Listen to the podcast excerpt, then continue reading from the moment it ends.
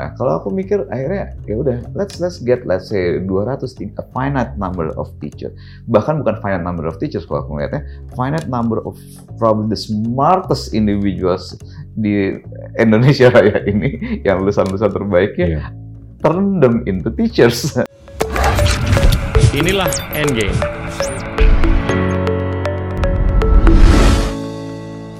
Halo teman-teman, hari ini kita kedatangan Sabda Putra Subekti, founder dari Zenius. Sabda, welcome. thank you, thank you for having me. Terima kasih. Kita mau ngobrol banyak mengenai macam-macam nih, tapi biasanya diawali dengan masa kecilnya, terus kita ngobrol panjang mengenai pendidikan, di mana pendidikan itu bisa sangat berdampak untuk kita semua ke depan. Terus habis itu anything we can talk about. Sure. Silakan. boleh mungkin mungkin aku juga sedikit cerita dulu ya bahwa ada sedikit aku sebenarnya tadi belum ngomongin bahwa aku sedikit ngefans gitu sama Mbak Gita sedikit. I'm a big fan actually not sedikit. Uh, This is your show. you're you're my role model juga dari awal. Thank you, thank you. Just wanna make it out in the open lah. so um, soal apa nih? Kita mau mulai dari mana dulu? Dari kecil, lahir di Jakarta, sekolah Lahir di di- SMA 8, lahir di terus, Jakarta, uh, eh, kebetulan hoki juga gitu kan, lahir di Tebet, ya Tebet itu kebetulan memiliki SD negeri yang katanya terbaik dulu, SMP negeri Betul. terbaik 115. Betul. Kebetulan nih, kebetulan kebetulan SMA negeri juga SMA 8 yang Oh. ya itulah gitu.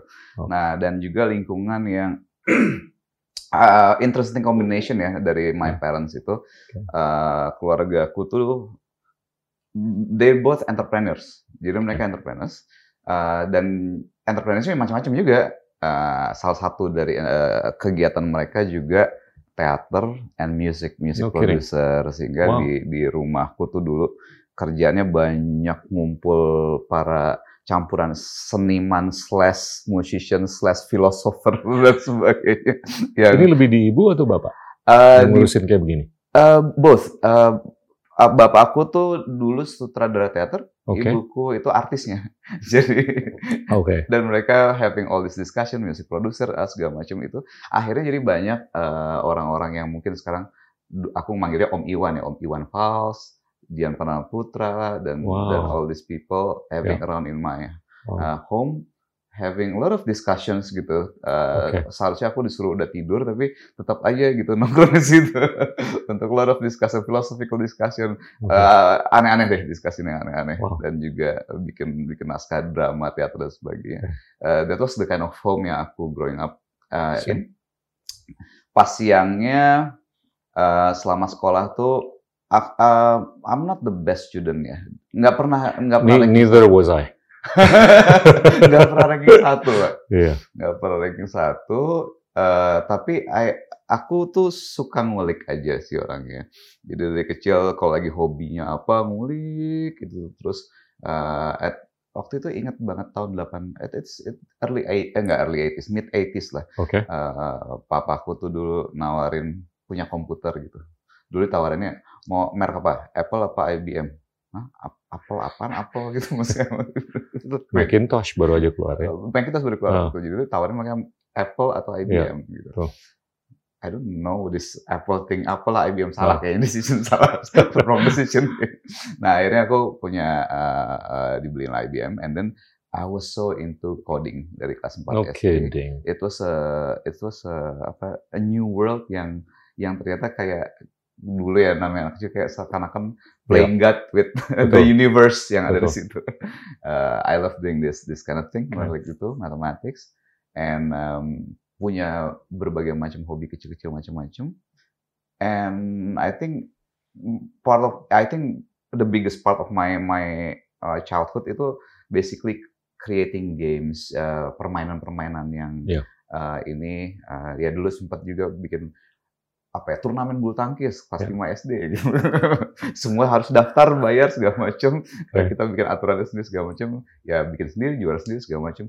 Ya, kayak gitulah model-modelnya. I play a lot of games. Uh, I have experimentation juga di rumah dalam bentuk uh, dulu beli buku 1001 Science Eh. uh, apa Yep. percobaan sains gitu Hmm. kan, cobain sendiri di rumah. Waduh, akhirnya dapat dikasih lab juga gitu kan. Itu kayaknya udah banyak yang kebakar, meledak.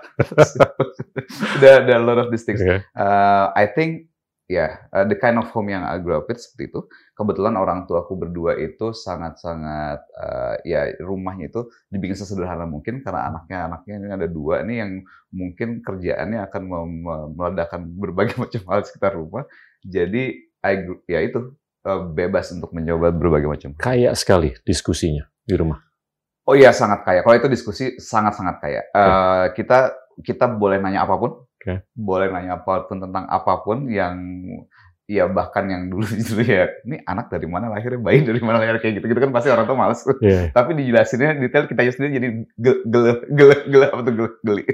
Nah terus Menarik. Nah, uh, I think the discussion happens bukan cuma di rumah gitu, tapi setiap kita jalan-jalan ke mana pun, itu kita trying to connect. Kenapa lampu merah yang dipakai coba bukan lampu warna lain? Oh, ternyata lampu merah ini hubungannya gelombangnya gini, gini, gini. Betul. Kita jalan misalnya ini dari suatu daerah ini, tahu nggak kamu kenapa nih jalanan ini sepi? Loh, tadi uh, De- Pak aku panggil Pak aku Dedi. Iya. Gitu. Dedi kenapa uh, milih jalan ini sepi? Kenapa coba? Oh dulu ini kota ini sama kota ini hubnya ini dan kemudian kalau kita manggil ini nggak ada lagi ekonomi yang berkembang gara-gara ada tol yang udah ada Wow. dan sebagainya. And we all co- we connect a lot of dots there gitu. Ya. Perekonomian kita datang suatu kota kecil Cilacap misalnya Ya. perekonomian datang dari mana apa yang segala macam. Ya. What's the race of this city? Kalau misalnya ternyata Ya. ini si Betul. si Pertamina ini hilang atau something like that. Oke. That that was the kind of discussion we're having since SD. Wow. Dan kadang-kadang papaku tuh punya, nah ini juga nih, aku juga suka bingung juga. Dulu mikirnya apa yang ada di otak gitu. Punya bisnis. Ini kelas 5 SD aku ingat. Nih, Dedi punya uh, bisnis plan baru nih. Ini uh, untuk uh, apply ke bank. What do you think? I mean like kelas 5 SD gitu kan. Terus omku ikut-ikutan juga, omku tinggal di rumah Hmm. juga. Dia tuh broker trader saham segala macam. Wah jelasin tentang saham segala macam gini-gini. Oh, very interesting gitu. Akhirnya aku playing the game, bikin simulasi eh, apa simulasi trading saham di sama teman-teman gue sekitar rumah ya 10-20 orang gitu kan. This is the game, this is how you should play the game. Akhirnya di, di apa perkarangan rumah gitu main simulasi saham. Eh, kita iseng itu orang lewat, ini anak-anak kecil main apa lagi nih kan. gitu. But yeah, that was my I, I I love to create a lot of games for for ternyata baru sekarang baru nyadar Oh. for learning. Tapi ternyata I love creating a lot of this this game mechanics and all.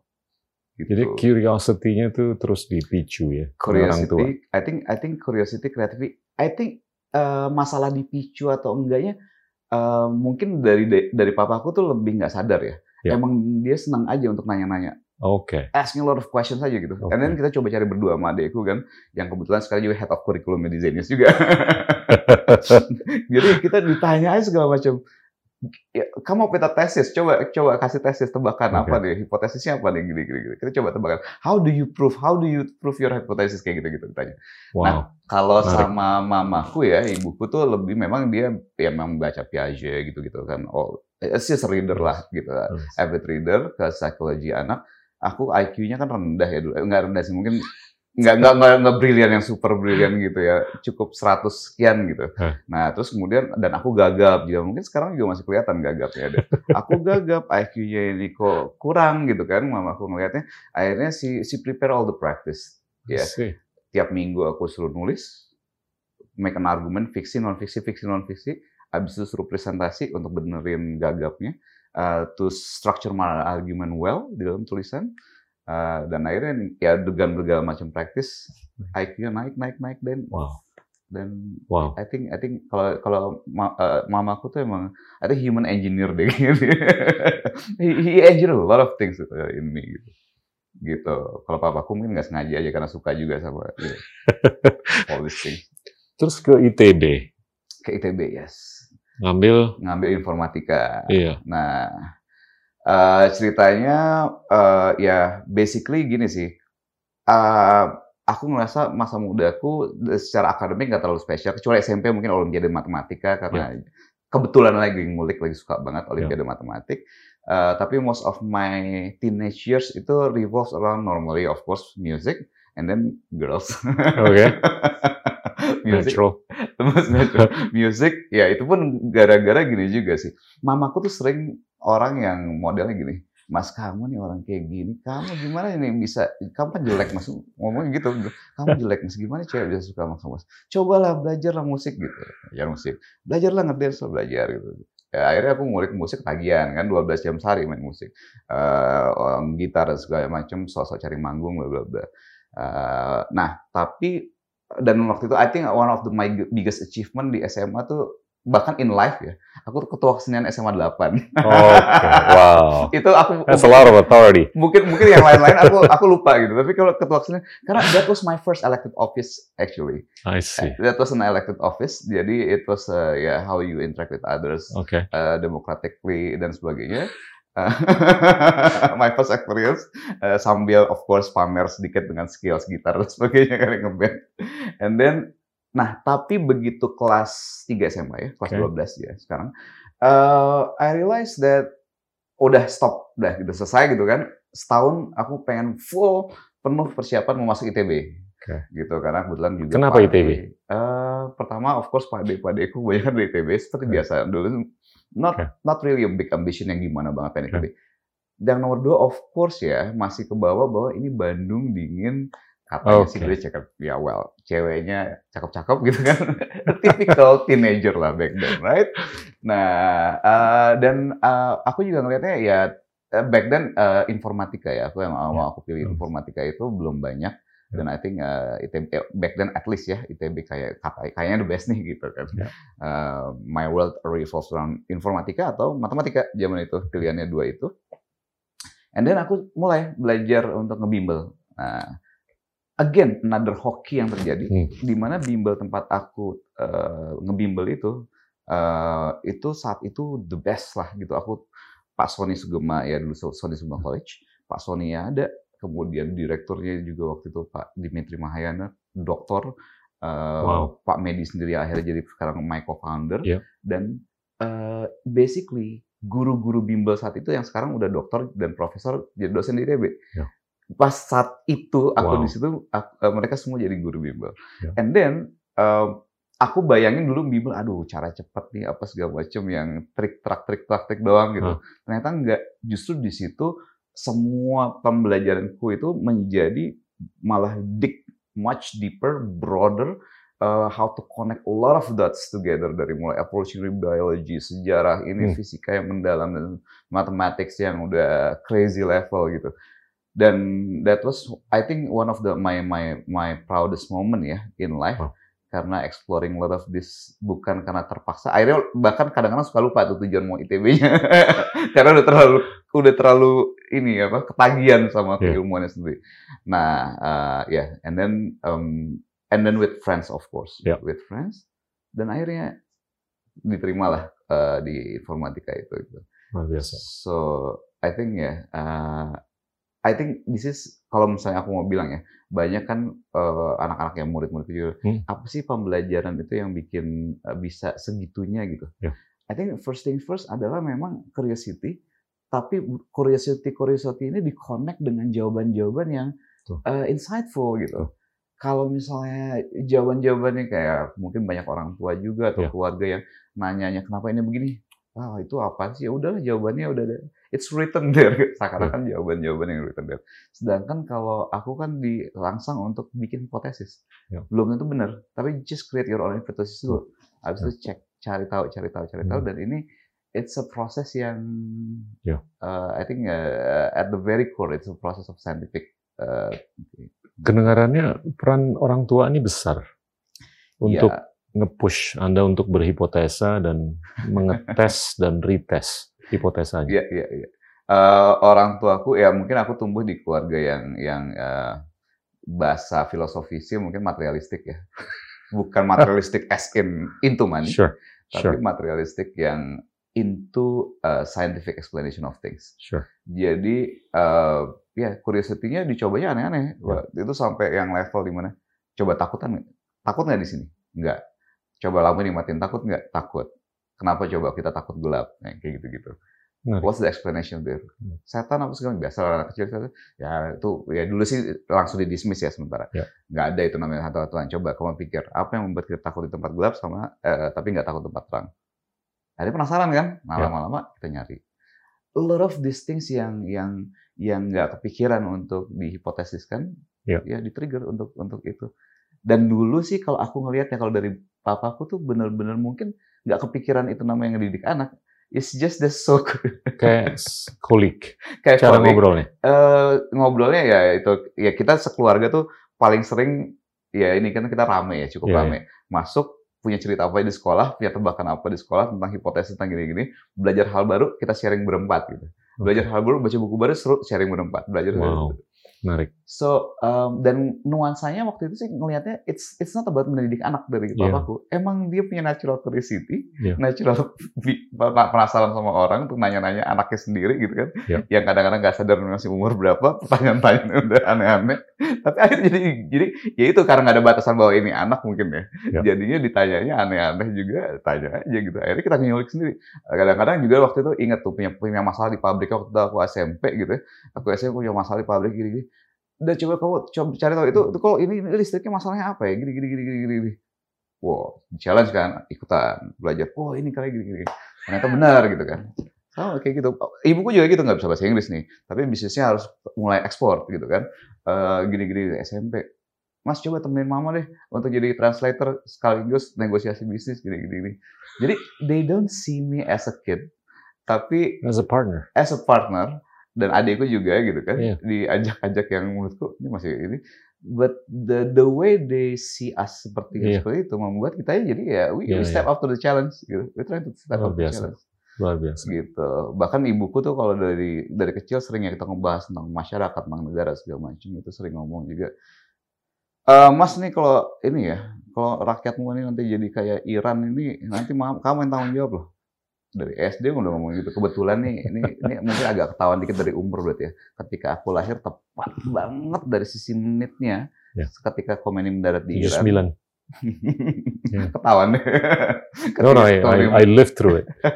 ketika Khomeini mendarat di Iran Saya tinggal di dekat Iran soalnya waktu itu. Oh iya. Iya, Di di mana waktu? itu? Bangladesh. Oh, di Bangladesh. pas. Nah, em, jadinya mamaku ngelihat bahwa bisa jadi Indonesia kayak Iran juga gitu kan. Dan kemudian ini anak ini anak nih mungkin membawa eh, pas tanggalnya sama segala macam eh, bilang Mas nanti kalau Indonesia jatuh kayak Iran tanggung jawab kamu ya. gitu. You should you should do something about this gitu. Jangan jangan sampai kejadian. Nah, aku SD digituin. Jadi seakan-akan dari kecil tuh kayak udah ada apa namanya illusion of delusion of grandeur gitu delusion of grandeur berarti yang seakan-akan imprinted untuk untuk being ya itu Tapi worked out okay. Eh ya ya I, Iya kan? I enjoy doing doing what I'm doing gitu I- ya the family mungkin ya itu being anak mami yang in a way anak Iya. mami yang eh, Siapa yang lebih berpengaruh? Ibu atau papa? I think both. I think Both. both, ya. Okay. Um, they have um, dari papaku tuh memang a lot of concepts, a lot of concepts gitu. Dari ibuku solusi-solusi yang praktikal yang aneh-aneh gitu. Misalnya contohnya kadang-kadang eh ini ini mungkin agak-agak sensitif ngomongnya tapi kayak Mas kamu kurus Mas.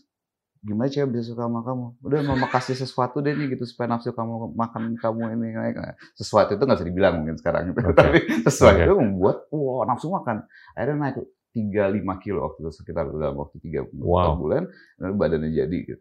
Solusi lagi, lu otak kamu nih otak kamu nih mau masuk ITB nanti gimana nih coba gimana caranya supaya bisa masuk ITB otaknya nggak biasanya kan cowok zaman sekarang 80% pasti isinya soal cewek, seks dan sebagainya. gitu. Gimana caranya supaya nggak nah gini caranya gitu. Hal-hal yang eh, solusi-solusi yang mungkin secara normal nggak bisa diterima di masyarakat, tapi it works gitu. It Iya. worked back then dan kemudian juga mamaku tuh mungkin juga suka cowok yang eh, dia dia, dia ngebentuk aku untuk rada-rada yang kamu tuh nggak gondrong, kenapa nggak gondrong? Tatoan boleh nggak sih di sekolah? Ya mah, tatoan di sekolah gimana? Coba jadi is the thing. Jadi my my dad with a lot of concepts, my mom coming with a practical solution yang mungkin secara normatif Yeah. gimana, tapi work. Betul. Gitu. Would you consider her as a tiger mom?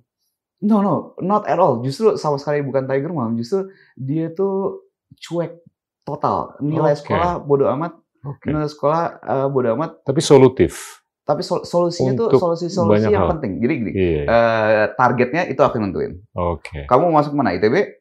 Yakin masuk ITB? oke. Oke, I'll help you with that. Gitu. Oke. Kamu mau cewek yang mana? Cewek mana? Kamu suka sama siapa sini? Oke, mama. eh, It's something I I decide the target and she helped me with the you know the the steps uh, nyusun action plan gitu-gitu. Kalau my dad uh, di, di keluarga itu nggak kita nggak pernah diajarin untuk ini boleh, ini enggak, ini benar, ini salah nggak pernah. Okay. Tapi dikasih dikasih framework. Okay. Kalau gini konsekuensinya gini. Ya. Misalnya, kalau gini konsekuensinya. Contoh misalnya, Bagus. Mas nih, nih orang dua, dua umur sukses tuh ya bisa punya dua kemungkinan. You can be so good at something, and then you can be so jerk aja. Bisa jadi kamu bisa get away with a lot of your jerky things Ya. kalau kamu so good at something, atau you're being adaptive, Ya. being enak ke semua orang. Orang suka. Bisa jadi Hmm. kamu nggak terlalu jago sesuatu, tapi orang suka gitu. Ya. I, I, aku sempat milih nomor satu for a while. But, wow, everyone hates me. gitu. Well, you get the consequences. Akhirnya Ya. ketika orang semua suka, ya udah kamu hampir sempat disamperin di teror rumah apa segala macam itu. Hmm. Nah, bapakku cuma bilang, yeah, well, you took this choice and you get the consequences. Ya, ya. Not on me. that's that's not bad. The choice you made to be an entrepreneur. Ya. Itu masih muda sekali kan, umur 19. Eh, iya, iya, 19. Kalau kita tarik the first legal Iya. company, Betul. itu umur 19. Tahun 98 kan. Tahun 98 ya. Tapi Hmm. kalau mau ditarik balik lagi ke soal apa namanya dari early, Oke. itu tadi. I think I think I had a lot of business ya, dagang ikan cupang lah, bikin rumah hantu lah gitu kan. Dari zaman dari SMP. zaman SD. Masya Allah. Dari- Wow. Terus kemudian jualan kaos metal, dulu bikin dulu belum ada YouTube ya, jadi tablatur gitar gitu, bikin tablatur gitar Oke. untuk solo-solo gitar tertentu kita jualin, belajar gitar, buku belajar gitar dan sebagainya. Uh, so because di keluarga aku karena emang Udah. hampir semua entrepreneur, naturally nggak mikir mau kerja Nyambung. apa. Naturally what are the opportunities out there gitu. Akhirnya dan juga satu satu hal. Kedua aku juga nggak bisa bangun pagi.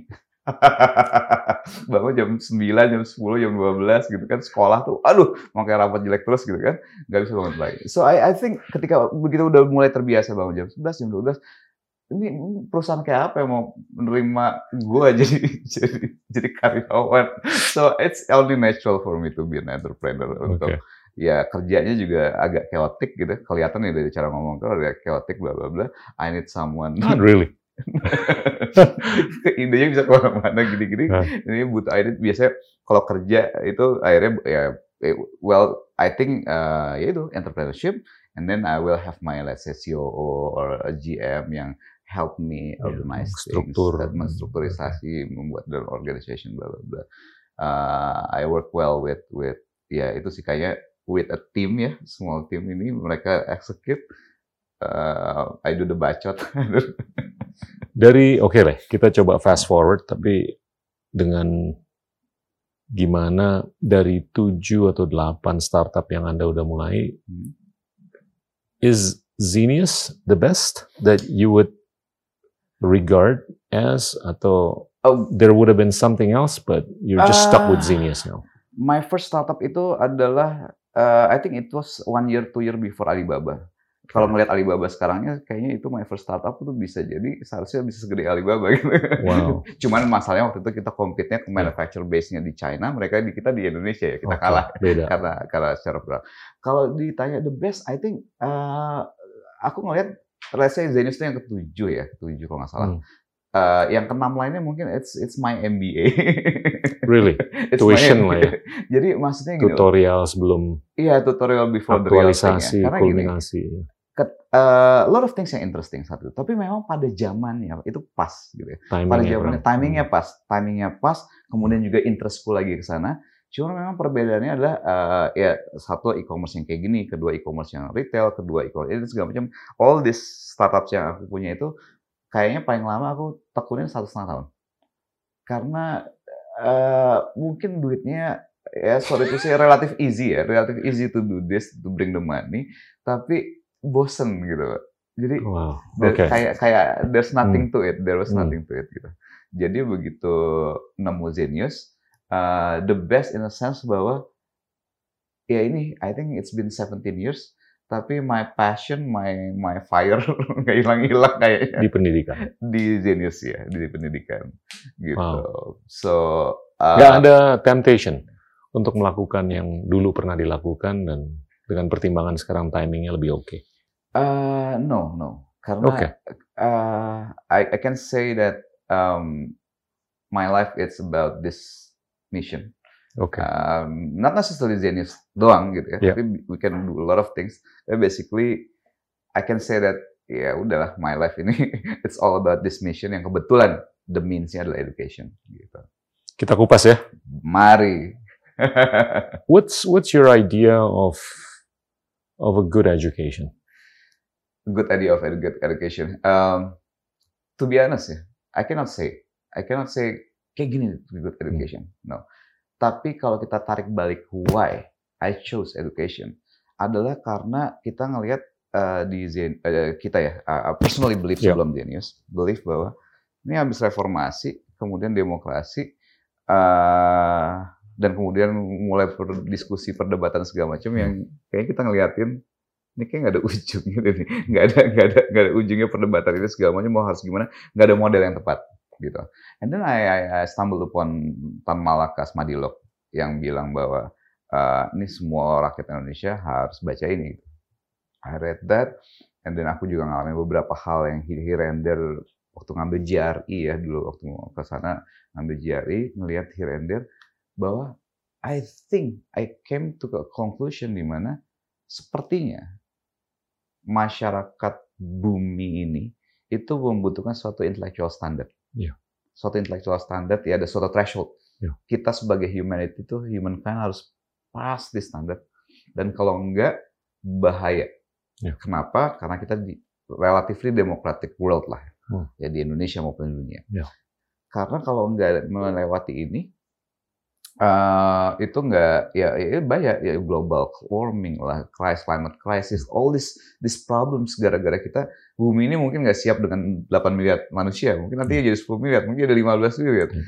Bumi ini nggak siap untuk menerima sebanyak itu, and then we're having problem, and humanity itu bisa jadi in danger, Ya. ya kalau kita nggak memiliki ini. Karena ya kalau bahasa sehari-hariku ngomongnya kalau mereka dodol nggak bisa mikir, mereka nggak sadar mereka dodol, mereka nggak sadar mereka nyusahin orang lain, dan dan we're in this together. Dan dalam demokrasi kalau mereka dodol-dodol ini menentukan pilihan, ya milihnya dodol, polisinya dodol, we're in this together, we're in the same boat. Akhirnya ya kayak gitu. So kalau tanya balik lagi, what is a good education for me? Mungkin sederhananya kita balikin dulu dua ya. Ada dua goal dari education tadi. First, tujuan buat individunya masing-masing. Oke. Tujuan masing-masing individu ini itu bisa jadi ya udah, you wanna be a painter, you wanna be a badminton player or something, go ahead. Itu sos- sebagai social mobility belajar spesifik di sana. Ya. Nah di sana mungkin mungkin nggak perlu belajar matematik, Mun- mungkin ya, mungkin nggak perlu belajar matematik, mungkin nggak belajar logika, mungkin nggak perlu belajar ini itu sains yang aneh-aneh. Ya. Karena itu sesuai dengan tracknya mereka masing-masing. But it's not enough. This kind of education is not enough. Kita butuh education untuk society, yang purpose-nya for society. Di mana purpose society itu tadi, bagaimana mencapai humanity ini past the threshold, past the civilization threshold Ya. untuk untuk sustain our civilization, humanity, eh, apa, humankind ini, mankind, we need to pass this. Nah ini, ini, ini pentingnya minta ampun. Aku tuh aku tuh eh, mau enforce ini sepenting itu loh gitu. Hmm. Ini bisa ya bahkan kasarnya kasarnya gitu. Bisa jadi kalau mereka belum punya ini nggak lulus satu tes yang menunjukkan mereka past the threshold bisa jadi itu nggak nggak punya voting rights misalnya misal kayak gitu kan kita punya izin SIM Ya. tuh kan SIM Hmm. oh iya boleh nyetir karena bahaya dong ya kan Hmm. Eh, kenapa kenapa voting tuh nggak berbahaya It's- Hmm. berbahaya mungkin punya anak juga bisa jadi berbahaya mungkin apalagi hidup in general Ya. bisa membahayakan orang lain kan? Eh, kalau misalnya mereka nggak ber- nggak berbasis eh, this intellectual standard yang yaitu komponen-komponennya mostly sih critical thinking scientific reasoning logic dan dan segala macam. Nah jadi if I can say the good education this is individual target and and then the societal target ya societal target dan kemudian dua-duanya tercapai melalui satu gitu the means-nya caranya how-nya let let apa ya, let the innovators do the job Ya. including ya ourselves ya Ya. di Zenius tapi uh, there's there's no aku nggak percaya bahwa ada satu cara pasti yang work Ya. for everyone Uh, that's why di Zenius juga kita istilahnya adaptive learning personal learning karena nggak tiap individu beda-beda caranya beda-beda tapi kalau dari situ tujuannya kita bisa sepakat Ya. society targetnya dan dan individu. Kalau dua-duanya itu dicapai dalam satu paket education, that's a good education. Saya akhir-akhir ini bertanya kepada beberapa narasumber atau menyampaikan suatu paradoks di mana informasi atau diseminasi informasi itu sudah sangat terdemokratisasi. Tapi yang sangat disayangkan ide tidak terdemokratisasi. Iya, iya. Ya kan? Bahkan terpolarisasi. Iya, iya. Nah, ini yang mungkin menghambat proses belajar Iya. untuk Agree. manusia kan. Apalagi kalau kita mau mengaktualisasikan diri kita sebagai diri yang lebih sempurna daripada sebelumnya, itu harus kaya kan dengan ide. Tapi kalau idenya itu sangat terpolarisasi, sehingga bagian tengah spektrumnya ini hampa atau cetek, gimana kita bisa beride? Iya kan? Nah Iya, ini iya, dulu kita kalau nonton TV cuma satu channel. Sekarang Yes. mau ribuan channel juga ada. Iya. Tapi kok nggak tahu gimana ide tuh tergravitasi ke kiri banget atau kanan banget. Iya, terpolarisasi gitu ya. Iya. Iya, nah iya. ini ini mungkin berkorelasi berkorelasi dengan cara atau sistem yang tidak mendemokratisasikan ide. Cara atau sistemnya. Oke. Iya kan? Interesting. Iya, iya, iya, iya. Dan dan Oh, iya. ini ini nggak nyambung dengan semangat kita yang mau eksis sebagai demokrasi. Karena demokrasi itu kan sebetulnya free will.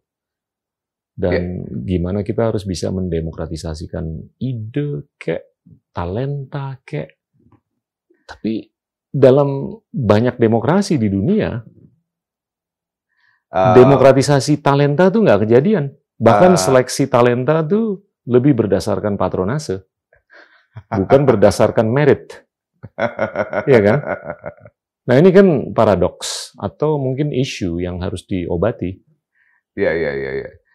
Uh, by the way, dulu aku tuh pernah pernah ya dig deeper into. Uh, Iya. I love by the way series West Wing dan sejenisnya. West Wing, Designated Survivor, all these things lah ya.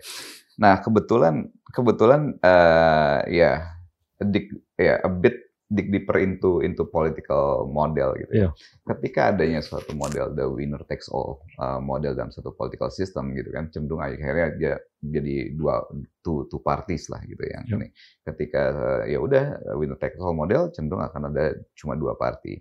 Kemudian ketika kita juga pemilihan ya langsung presiden segala macam pasti ada satu party yang kayak gini Hmm. ada yang gini. Dan model dua party ini it's it's like quite everywhere lah. Ya. Uh, uh, not not really two party tapi uh, basically kalau mau menang gitu kan ya udah the best apa ya game game theory wise Hmm. ya kita bisa ngeliat bahwa ya udah satu ya gimana caranya ngumpulin satu kubu dan lawannya di kubu lain Ya. and it happens everywhere nah Ya. dis dis pengkubuan pengkubuan ini akhirnya juga consequently juga terjadinya polarisasi ke dalam ide-ide tadi Iya. akhirnya sekarang gampangnya nih kanan kiri kanan kiri kanan kiri nih kanan kiri kanan kiri Eh, di mana karena terasosiasi sama orang-orang circle yang sama yang ini Iya. mengamplify ide yang sama itu itu lagi echo chamber lagi echo chamber lagi apalagi sekarang dengan sosial media kita bisa milih siapa pun yang kita follow yang kita follow Iya. dia dia lagi dia dia lagi dia dia lagi WhatsApp grupnya isi orang yang mirip Betul. lagi pemikiran and then it's amplified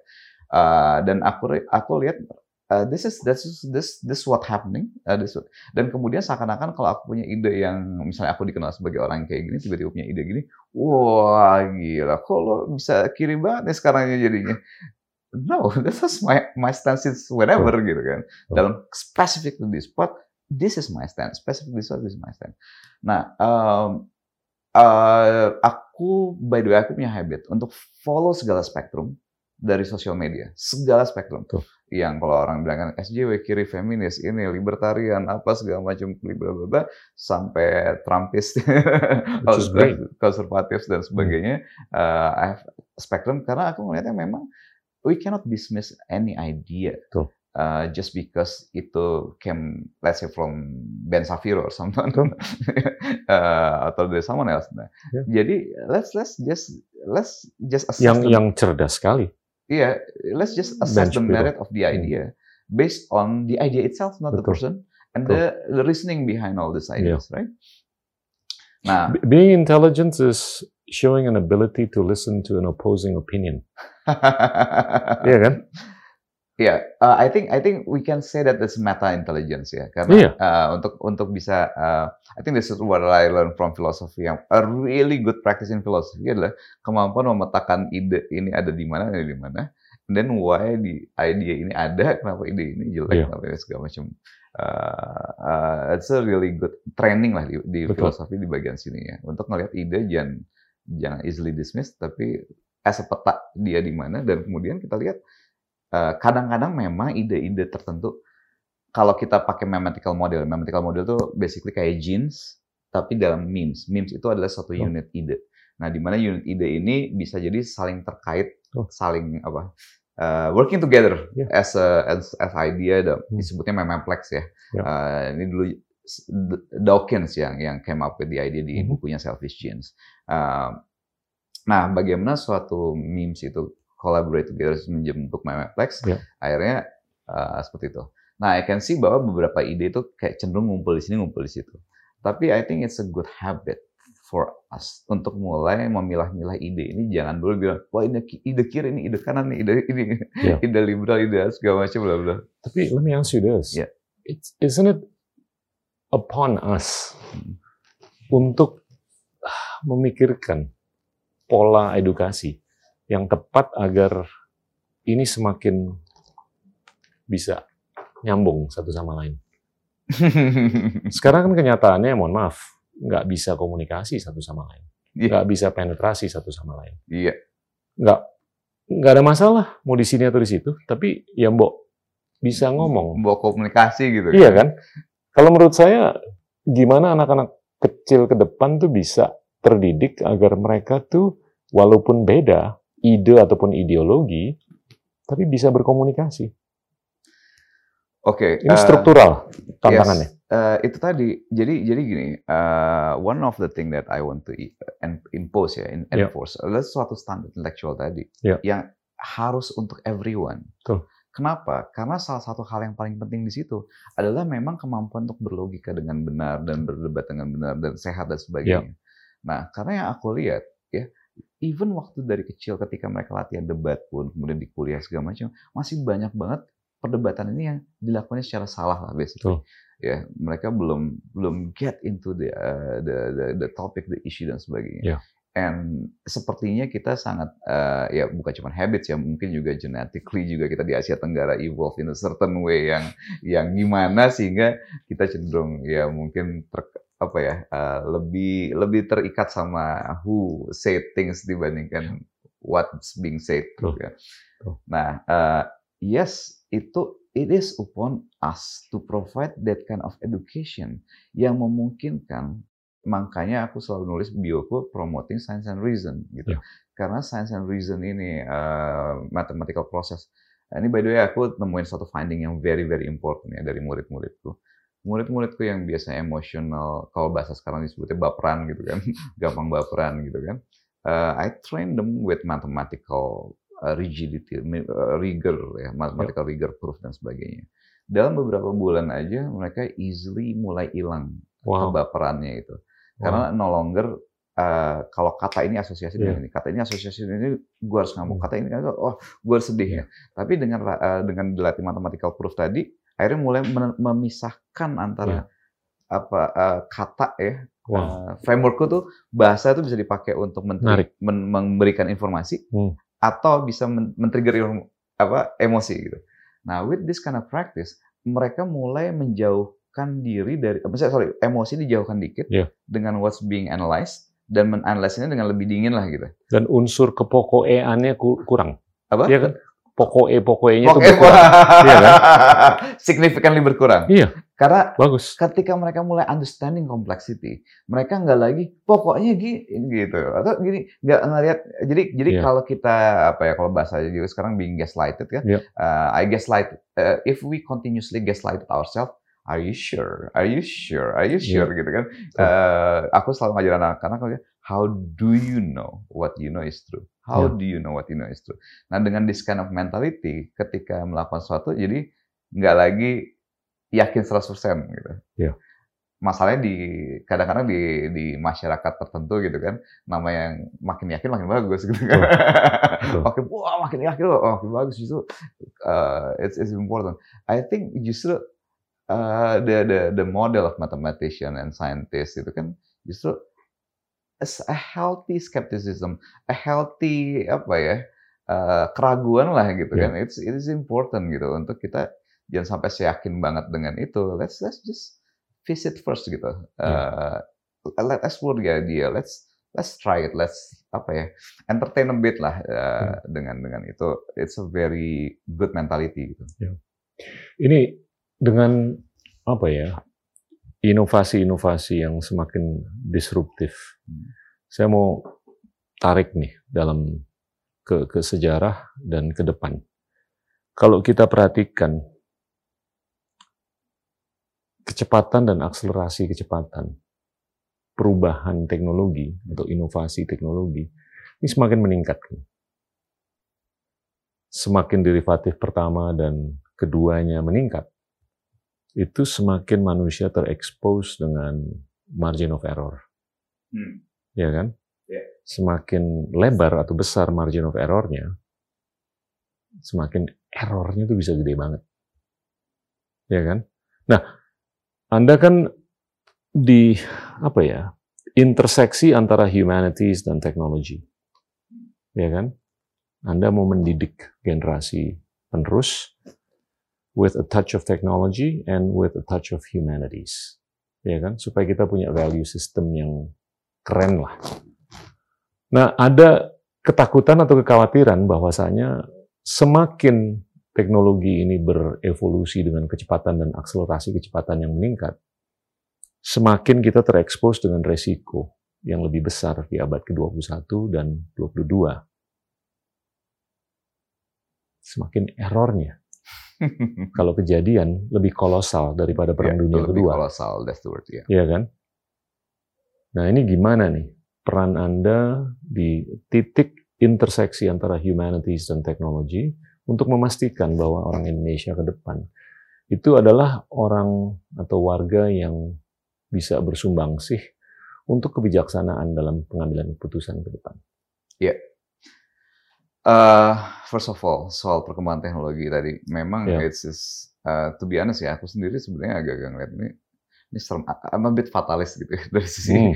ya maksudnya dengan teknologi bisa dikuasai robot uh, you know yeah. not not really robot lah basically the robot owner yeah. kemudian all the economics jalan begini-begini probably ada akan ada masalah yang yang yeah. kolosal dan itu tadi memang amplification of error tadi dan kemudian ketika itu terjadi masalah kita akan yaitu kolosal lebih kolosal that's the nah dari aku ngelihat bahwa I don't know the solution there. I'm not wise enough, probably I'm not smart enough to have the solution for all this. Yeah. So my solution memang adalah to make things untuk nggak seburuk itu at least. Yeah. Make sure everyone mencapai intellectual standard itu gitu. Akhirnya kita menjadi suatu collective decision makers yeah. of the the human the problem of humanity jadi kita jadi yang nomor satu ya aku ngelihatnya bahwa dengan mencapai ke sana kita lagi nggak dikendalikan dengan let's say nggak lebih baper nggak nggak gampang yeah. baperan jadi so. ketika kita mau bikin decision nggak emosional kita bikin decision nantinya bisa jadi untuk 8 10 miliar orang gitu kan yeah. dalam waktu dekat yang kedua nggak lagi uh, apa this big things ini kita uh, memiliki pandangan yang lebih memang the world view yang harus dimiliki itu memang world view yang ini again I cannot find a better word ya, tapi materialistik artinya see the world as it is. Yeah. Ya. Kan kita masih aja banyak pemikiran yang masih yeah. terintervensi dengan entah dunia dari mana dunia gaib yeah. dunia itu uh, uh, all this math and everything gitu. Mm. Dan it's dangerous gitu. Oh. Kalau kita masih punya this kind of beliefs yang nggak melihat see the world as it is dan bahkan uh, bahkan aku sempat ngeliat di tweet kan bahwa ini pesawatnya nggak mungkin bisa terbang tahu ini segitu gede segala macam ini pasti ada jinnya gitu. Oh my. Masih ada yang percaya bumi itu flat. Flat Earth gitu kan. Kemudian ini. Nah, uh, gimana kita bisa punya uh, come to with a right solution? If the people itu masih percaya bahwa ada X factor yang akan nggak nggak nggak cover all the bases, nggak see things as it is, yeah. tapi mencoba mencari ada penjelasan-penjelasan yang aneh-anehnya lagi hmm. dari sana. Nah, my way of of education kan basically Genius tuh mau mau merangkai Indonesia yang cerdas, cerah, asik. Kita Yeah. breakdown satu-satu ya. Cerdas itu basically thinking skills lah. Yeah. Pure thinking skills. Cerah itu basically uh, knowing strategic knowledge yang change the paradigm. Yeah. Basically cerah itu masalah bayangin ya kita hidup di dalam dunia, we have to see the world as it is. Kita harus punya peta realitas yang seakurat mungkin.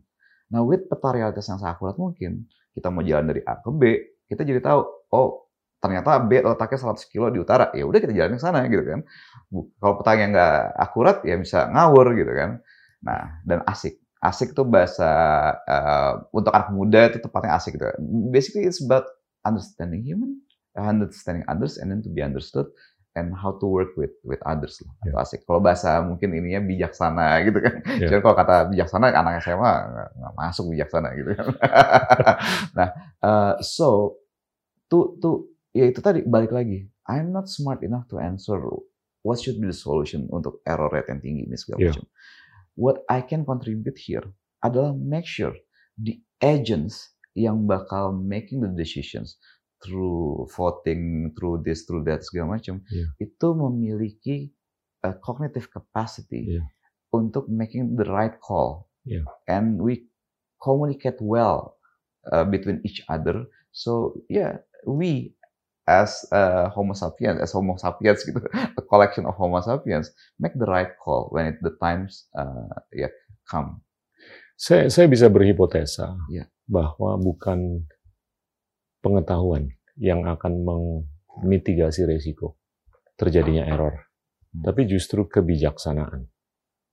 Ya kan? Nah, wisdom itu bisa ditarik tuh dengan pandangan manusia mengenai apakah lu tuh lebih baik tipis tapi dalam atau lebar, ya kan? Nah, ini kan ada dua schools of thought nih. Ya, Yang satu Spe- mungkin gampang ya, spesial jurnalis gitu ya. Iya, specialist atau generalist. Kalau saya sih intuitively ya, berpikir bahwasanya spesialis itu keren banget, tapi dia hanya bisa memitigasi risiko yang jangka pendek. Hmm. Tapi kalau generalis, itu dia karena lebih lebar wawasannya, semestinya kebijaksanaan dan intuisinya lebih kaya. Sehingga itu lebih bisa memitigasi risiko jangka panjang. Yang sistemik bahkan. Iya. Nah ini ini ini masih dalam konteks perdebatan sekarang, ya kan antara pundit yang di sini sama pundit yang di situ. Tapi saya tetap berpendapat kayaknya sih gue mendingan yang lebih Jurnalis, lebar, aman. ya kan? Untuk kepentingan supaya error tadi nggak kejadian. Karena kita udah melihat dalam Perang Dunia Pertama dan Kedua, teknologinya sama, knowledge-nya keren dua-duanya, tapi idenya agak-agak miring. Iya kan? Nah itu karena kurangnya kebijaksanaan. Iya. Nah itu penting kalau menurut saya untuk ditanam kebijaksanaan dalam manusia. Agar dia bisa membantu kemanusiaan untuk memitigasi resiko jangka panjang. Totally agree. Ya, totally Iya kan? agree. Makanya kita embed inherent di dalam misi kita itu memang udah ada A-nya gitu. A itu artinya kebijaksanaan kita dalam bentuk A asik gitu. Oke. ya. Eh, karena gini, dan juga kita, eh, kalau di Genius ya kita merasa bahwa generalis dan spesialis ini Ya. sebenarnya we can see that it's a bit of false dichotomy sebenarnya. Betul. Sorry to say. Ya. Bahwa kita ngelihat eh, ada yang generalis ya, yang generalis ini sebenarnya eh, basically dia learning the framework, learning the patterns, Ya. dia applying in a lot of things. Jadi mereka juga sebenarnya spesialis tapi di abstraksi, spesialis abstraksi ini, tapi this abstraction itu works in a lot of apa ya bahasanya vertical specific skills ya. Nah kita ngelihatnya bahwa eh, kalau balik lagi ke soal tadi tujuan pendidikan di Zenius itu ada eh, individu dan society ya di dalam yang level society itu sifatnya yang fundamental skills. Hmm. Jadi ada fundamental skills yang semua orang wajib intellectual standard tadi, yang Ya. wajib. Nah, once mereka punya ini, kemudian mereka boleh masuk ke dalam specific skills. Ya. Baru. Jadi ada fundamental skills dulu, baru Yes. practical specific skills. Nah, Fundamentals, insights, and specifics. fundamental exactly. Nah, insights ini very very important juga. Kita sekarang kita nyampur ya, fundamentals, Ya. insights, and then, uh, some specifics. Hmm. Nah, di sini kita me- kita uh, kenapa ini sangat sangat penting? Hmm. Karena uh, as an educational uh, industry company lah ya, kita juga pernah di challenge gitu kan misalnya. Oke, lo ngajar misalnya uh, digital marketing, lo ngajar PR, ngajar communication misalnya. Terus kemudian kalau misalnya skillnya yang mereka pelajarin di lo itu dipakai buat ngajarin orang untuk, you know, jihad, jadi teror dan segala macam. What do you say to that? Kalau lo ngajarin teknik kimia segala macam untuk bikin bom, untuk meledakin entah yeah. apa gitu. What do you say to that? Nah, as an educational company, that is our ya kita take it as moral responsibility bahwa before you even jago yeah. di suatu hal-hal yang spesifik, kita harus make sure bahwa mereka me-adopt dulu nih all this ya kececean ya bahasa Inggris. Kececeannya ini harus diadopt cerdas cara asiknya harus paket sebisa mungkin ini. Bisa belajar paralel? Bisa. Yeah. but ya itu kececean itu kadang-kadang ya komponennya bisa beda-beda ya. Tapi normally komponennya adalah to achieve that level of wisdom at, at the end of the day gitu um, mereka harus ada suatu proses untuk uh, pertama cerdasnya pasti, yeah. kedua being exposed to important apa ya, uh, let's say kayak the history of life, yeah. history of human, you know, civilization, some sort of these things tuh penting banget untuk mereka mungkin lihatnya jadinya nggak lagi apa ya, analoginya mungkin gak? Kalau misalnya ada orang yang ngerasa bahwa, uh, let's say ada meeting di jam 6 pagi sampai jam 6 sore, lagi meeting di satu RT gitu ada orang yang datang baru jam 5 gitu kan. Terus kemudian dia nggak pelajari apa yang terjadi di nggak baca minutes of meetingnya dari jam 6 sampai jam 5, tiba-tiba punya ide gini-gini. Kadang-kadang ide-ide kan lah itu mah udah tadi udah dibahas kenapa kita nggak ini. Nah, I think uh, some of the people came into the world a bit late nggak mempelajari ini ya. sehingga mereka nggak tahu mungkin pernah ada ide itu udah ya. pernah diomongin ide itu sebelumnya udah pernah dicoba dan gagal Betul. dan mungkin ada segala macam nah I agree, the wisdom. Dan soal generalisnya tadi, makanya itu kita mau enforce. Tuh. Oke, kita mau enforce.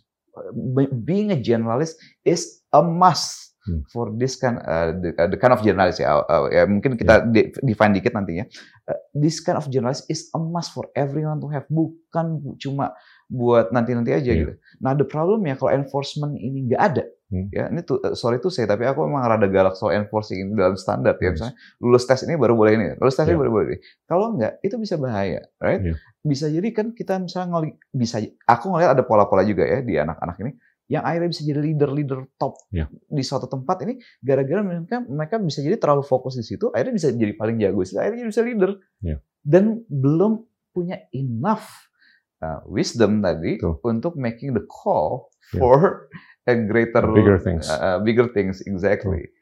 Nah, di situ yang aku ngelihat bahwa I want I want to play that part di di situ gitu untuk gimana caranya nyiapin anak-anak muda ini dan gimana caranya juga mau kerjasama gitu sama sebagainya untuk please can you enforce this misalnya yeah. kan enforcement itu bisa terjadi misalnya uh, lulus SD lulus SMP lulus SMA lulus SMA yeah. masuk kuliah lulus kuliah standar harus ada tertentu atau masuk kerjaan masuk CPNS LPDP yeah. mungkin segala macam jenis tes kalau bisa arahnya enforcement itu. Yeah. because we're in danger. I, I can see that humanity banget. is in danger gitu banget. kan. Banget. Wah, kita juga setuju gitu ya. dan uh, karena gini loh temptation ini kan kalau anak-anak muda sekarang kan dia pengen hanya mau jadi ahli coding ya kan? Mungkin ada juga yang pengen jadi ahli gardening. Tapi mungkin penting sekali atau lebih penting untuk yang mau jadi gardener untuk belajar mengenai antropologi, yang mau jadi coder belajar mengenai sejarah. Iya kan? Dan dan gini loh, ini terasa banget dalam percakapan multilateral. Yang mana ada sih beberapa yang nggak bisa berpikir secara longitudinal. Terlalu latitudinal. Iya, iya. iya kan? Dan dan bukan sesuatu yang tidak mungkin bahwasanya sesuatu yang terjadi di Amazon, yeah. rainforest, itu berkorelasi dengan apa yang bisa terjadi di Kambodia. Iya kan? Iya, iya. Scientifically, it's empirical. Bisa tuh. Tapi, ya, yeah, you you always talk about connecting the dots, right? Yeah. Lebih susah mengconnect the dot ke depan daripada ke belakang. Iya kan? Dan dan ini sayang loh kalau orang nggak bisa berpikir secara longitudinal, secara horizontal, itu akan sangat nyambung dengan inkapasitas kita untuk memitigasi resiko. Blunder. Yang skalanya mungkin bisa jauh lebih besar daripada apa yang kita lihat di Perang Dunia Kedua. Hmm.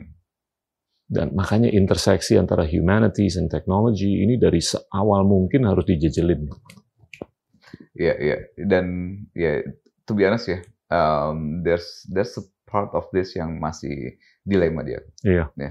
Karena uh, should we hinder um, uh, the, the progress of certain part of things? Iya. Karena karena karena gini juga kan, uh, resiko ini macam-macam ya uh, dari sisi terutama juga dari sisi social unrestnya juga misalnya. Imagine ya seperti kita juga tahu lah ya, uh, ketika a lot of things done by robot mereduce a lot of human work dan sebagainya. Ini bisa jadi udah jadi resiko pertama dulu social unrest, ya kan? Uh, that's another thing. Kemudian juga dari situ uh, another risk ya mungkin nih mungkin Pak kita juga pasti lebih ngerti ya antara konflik between nations-nya ini. Ya. Konflik between nations ini perangnya kita bisa jadi nggak lagi harus nuklir atau segala macam, tapi it's a cyber Bisa bio. cyber bio Bisa cyber. yang yang yang hal kayak gini yang emang uh, risky. And then All, all it takes is one crazy guy exactly with access to the tombol. Iya kan? exactly. Nah, uh, and and we're exposed this we Banget. expose ourselves to this because of the connected Iya. the connectivity in the world dan sebagainya. Nah, um, dan ya itu kalau ya bahasanya jadinya aku di sebenarnya masuk ke education karena paranoid, being paranoid about it. And let's just make sure everyone punya this CCI gitu. The, the, the, the, you know, and- and wisdom. Karena ya again, um, it, it is I, I acknowledge that since the aku kan waktu itu waktu kuliah pas specifically emang computer science ya. Hmm. Dan kemudian I can I, I, I I could see this as a problem since ya itu sekitar 99 2000 itu dan kemudian ya again it's just a crazy guy gitu with bioweapon, cyber security weapon segala macam dan eh, kalau kita nggak memprotect ourselves dan penting ngerti pentingnya itu kan gawat gitu kan.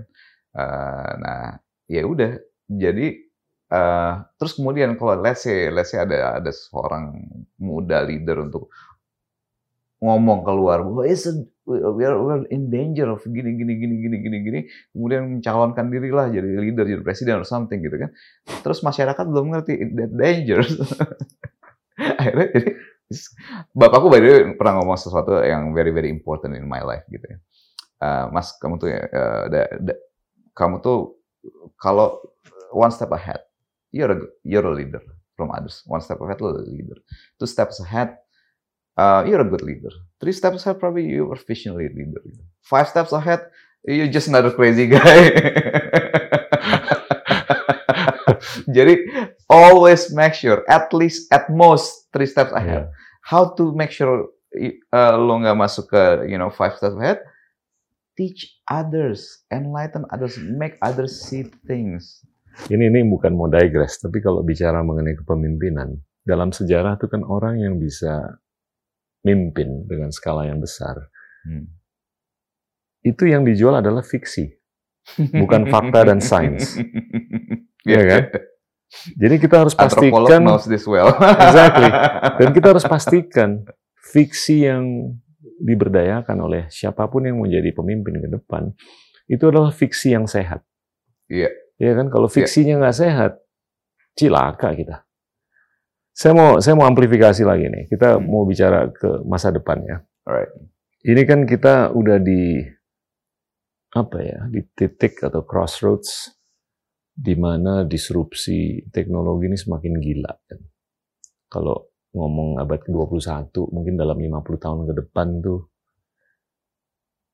kita tuh udah bisa travel ke planet Mars dengan mungkin mendownload neuron kita ke komputer terus kita tembak kita lewat laser Iya. sampai di sana terus kita upload lagi ke avatar terus avatar kita itu bisa jalan di planet Mars terus di upload lagi ditembak ke sini lagi terus di upload ke otak kita lagi neuron-neuron kita nih ya experience udah experience udah di Mars. Real. gitu.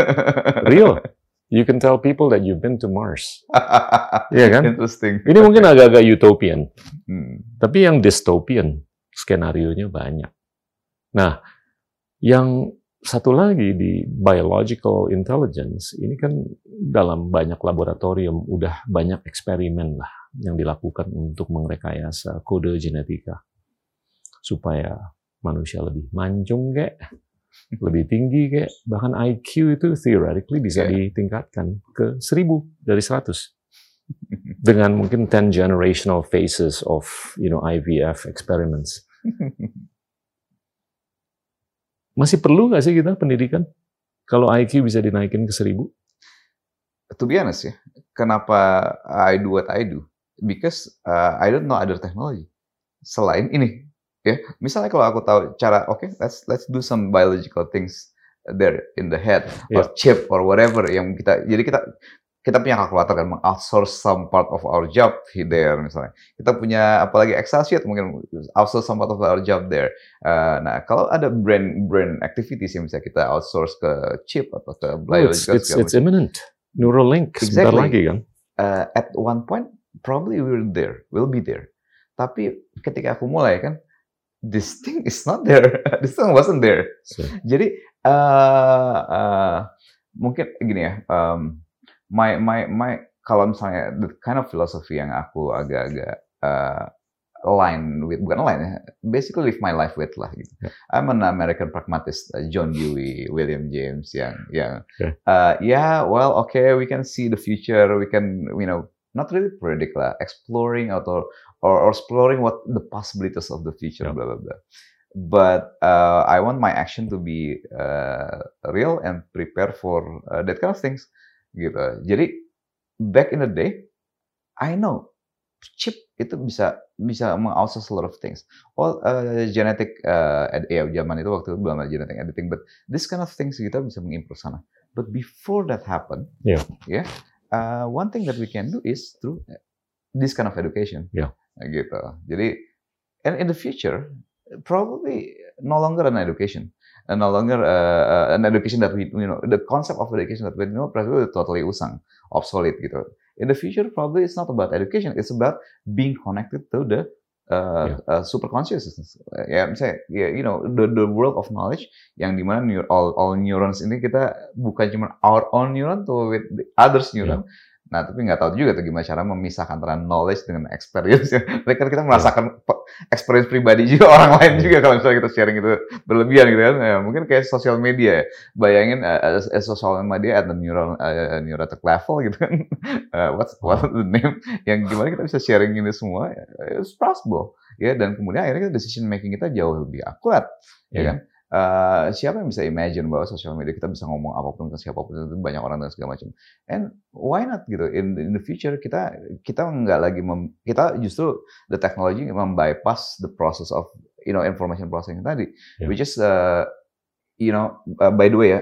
Uh, aku ngelihat salah satu masalah ya zaman tahun 2000 itu ketika aku bikin tesis untuk uh, mau kuliahan itu ya, hmm. bikin tesis bahwa kalau information access itu equal, aku menebak ya namanya anak muda ya bahwa segala macam akan equal juga ekonomi equal ini exactly nah ternyata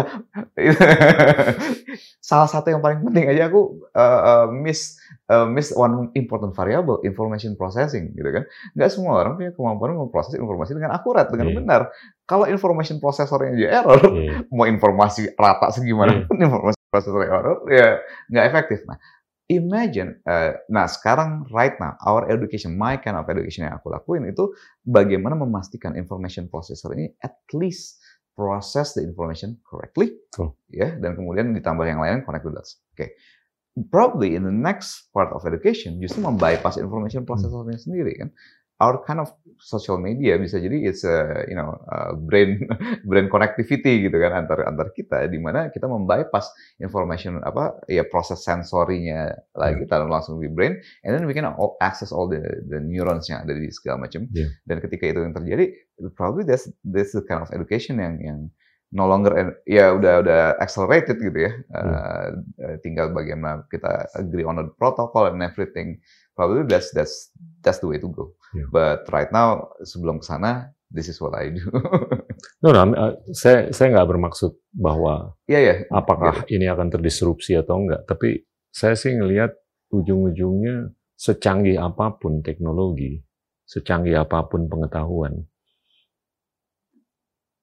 budaya dan jiwa itu penting. Iya kan? Itu oke okay lah, kita bisa mengkodifikasi data-data kognitif kita. Itu bisa di robotized. Hmm. Kita bisa mengkodifikasi bahkan to some extent, bahkan to a lot of extent our emotional intelligence. Tapi jiwa tuh saya nggak yakin bisa dikodifikasi. Iya kan? Jadi uh, ada batas yang mana kita nggak bisa melakukan kodifikasi terhadap atribut yang kalau menurut saya yang memperkaya humanities. First of all, um, kalau konsep jiwa yang terlepas dari badan ini mungkin I, I don't really you know uh, believe in that kind of konsep yang terpisah dari badan ya. Kalau jiwa sebagai konsekuensi dari Oh iya iya, that's what I meant. Yeah, Betul. exactly. Betul. Uh, konsekuensi. Just just want to be clear that everyone. Iya iya iya. Uh, bahwa jiwa sebagai consequence of of of the the complexity of our our brain works entah dalam titik mana akhirnya loncat ke level jiwa ya ya. Yeah. I I can see that bahwa um, kalau di dalam apa dulu Madiolog kita ngomongnya dialektika antara yeah. manusia uh, dengan alam jiwa apa alam jiwa kita dengan yeah. alam uh, apa uh, alam natural kita gitu uh, dan memang yang aku lihat ya di, setelah belajar antropologi dan sebagainya yang ya I think I think one of the critical part of how we can survive adalah bagaimana tektokan antara alam jiwa kita dengan budaya, ya, environment, budaya dan sebagainya. Yeah. Kan konsepnya kan dulu dulu konsepnya environment menyeleksi gen. Kemudian akhirnya kita ketika kita bermain advance, kita akhirnya menciptakan budaya yang juga membantu kita survive. Nah, problemnya adalah sekarang uh, banyak sekali gen-gen kita yang udah irrelevant dengan masa modern dan banyak budaya juga udah nggak relevan dengan yeah. Eh, dengan masa modern ini. Yeah. Nah, we need to choose together sebelumnya, making yeah. making a decision where we are, where, where are we going gitu together kita mau ke mana sebagai yeah. suatu kolektif uh, model.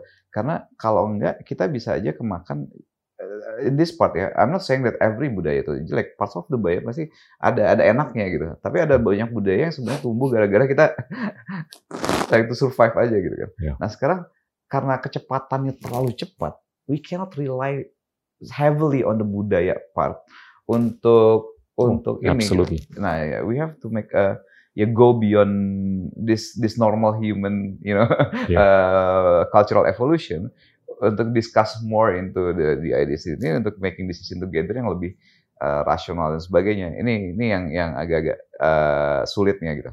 Karena kadang-kadang gini ya, kadang-kadang kita masih kejebak dengan kita mau punya kepentingan, kepentingan-kepentingan ini entah ya material apa financial apa segala macam resources bla bla bla.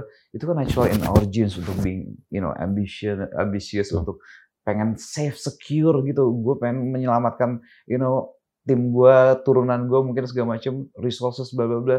Tapi itu kan dorongan yang apa ya dorongan dorongan genetik lah yang irasional sebenarnya hmm. but, uh, walaupun bisa dihitung juga secara rasional but nah tapi what I'm saying is that this is the time where probably our genes and our cultural inheritance itu bisa menjadi uh, our biggest problem to survive humanity.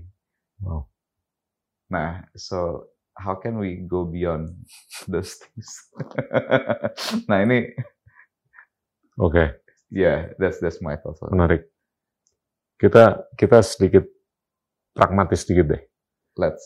Zenius peran ke depan ini gimana untuk bisa meningkatkan apa ya standingnya Indonesia dalam konteks pendidikan. Kita kan selalu we always get beaten up lah. Bisa kayak terus profisiensi bahasa yeah, kayak dan segalanya. And all this. Ya. Ada target nggak sih dalam lima tahun, 10 tahun perannya yes, Zenius? Of course. Um, pertama-tama aku mau cerita dulu nih. Kadang-kadang uh, the way we do education itu oh kita compare nih oh ya kita let's say compare iya. Indonesia yeah. dengan uh, misalnya Singapura atau dengan Finland dengan Inggris yeah. segala macam bla bla bla uh, ya yeah, well kalau Zenius kita kita melihat apa yang terjadi di luar sana of course yeah. we don't close our eyes to what possible out there kita melihat juga kurikulum mereka sebagai yang seperti apa but one thing that uh, I constantly have have this debate over and over again with educators from around the world di hmm. dalam international conference adalah kadang-kadang mereka ngeliat kenapa sih lu ke segitunya banget harus menekankan ini gini gini gini banyak banget jadi harus pelajari uh, uh, dari sisi apa namanya? Kenapa banyak banget yang harus dipelajari dari sisi ya misalnya dari dari kurikulum Zenius proposal of curriculum. Beda dengan saya kalau dari uh, kurikulum nasional kita yang banyak juga dipelajarin yeah. dan mungkin nggak penting juga. Sorry to say harus banyak dibuang. Dan kita juga di Zenius itu juga uh, propose something yang cukup banyak yang harus dipelajarin yang penting untuk kita pelajarin. Dan ditanya uh, kenapa selalu didebat kayak nggak perlu bukannya nggak perlu ya kita gini aja gini aja gini aja nah gini loh yang terjadi. Uh, di let's say kita mau mendidik anak dari 0 sampai 100 di Finland mereka bisa jadi udah starting pointnya udah 60 karena ini udah terjadi di budaya, di keluarga dan sebagainya, udah ya. mendorong mereka untuk ke sana di budaya udah terbiasa untuk anak-anak itu tadi suruh berhipotesis, nembak, berlogical reasoning, every, everything logical reasoning terjadi. Sehingga mereka starting pointnya 60. Di kita bisa jadi mulai bukan dari bahkan bukan dari nol, bisa jadi mulai dari minus 40. Karena harus banyak sekali yang harus di-unlearn dulu, ya, di-unlearn dulu. Anak-anak misalnya kebiasa oh jangan ini nanti ini apa apalah pamali lah ini atau ada entah apalah nanti kalau gini begini gitu begitu all this mystical uh, uh, apa mystical reasoning yang terjadi ya ini justru mesti dibongkar dulu pas masuk sekolah udah diajarin logika gini-gini sains gini sampai rumah dibalikin lagi ke situ sama entah siapa gitu kan di keluarga di family atau di di apa sosial ininya settingnya nah so uh, um, kalau kita belajarnya dari uh, dari cuman dari luar aja terus kemudian mengcopy mentah-mentah that won't work yeah. yeah. so what we do adalah dalam in exactly hmm. um, uh, our with, with our anthropological insights into the country, hmm. kita melihat bahwa this is the way we should build our curriculum, yeah. gitu. Jadi ya kalau bahasanya karifan lokal gitu, yeah. perlu banyak karifan lokal untuk membangun the way we reason as a nation. Ya logic is universal, ya. Yeah. Tapi cara kita memakai logika pasti terikat dengan bahasa. Yeah mathematics universal, but the way we, we do mathematics itu pasti pasti berbeda, nggak bisa comot aja nih yang sukses di mana. Hmm. This is the hardest part that we do. Ya, uh, pertama kita me membangun all this kind of pedagogy yeah. yang totally local, uh, yang arahnya universal, tapi dengan lokal ini, ya the way our brain works lah. Yeah. Ya, karena tropical itu beda banget cara kerjanya dengan yang yang evolve di di apa namanya di four seasons lah. Kita nggak punya musim dingin jika kita nggak terbiasa untuk berlogika uh, nggak nggak terbiasa untuk planning long term planning segala macam. Nah ini harus di crack dulu di situ. Ya yeah, so first part is pedagogical partnya kedua uh, where we're using AI of course. Uh, hmm. dulu jurusanku sebenarnya AI gitu.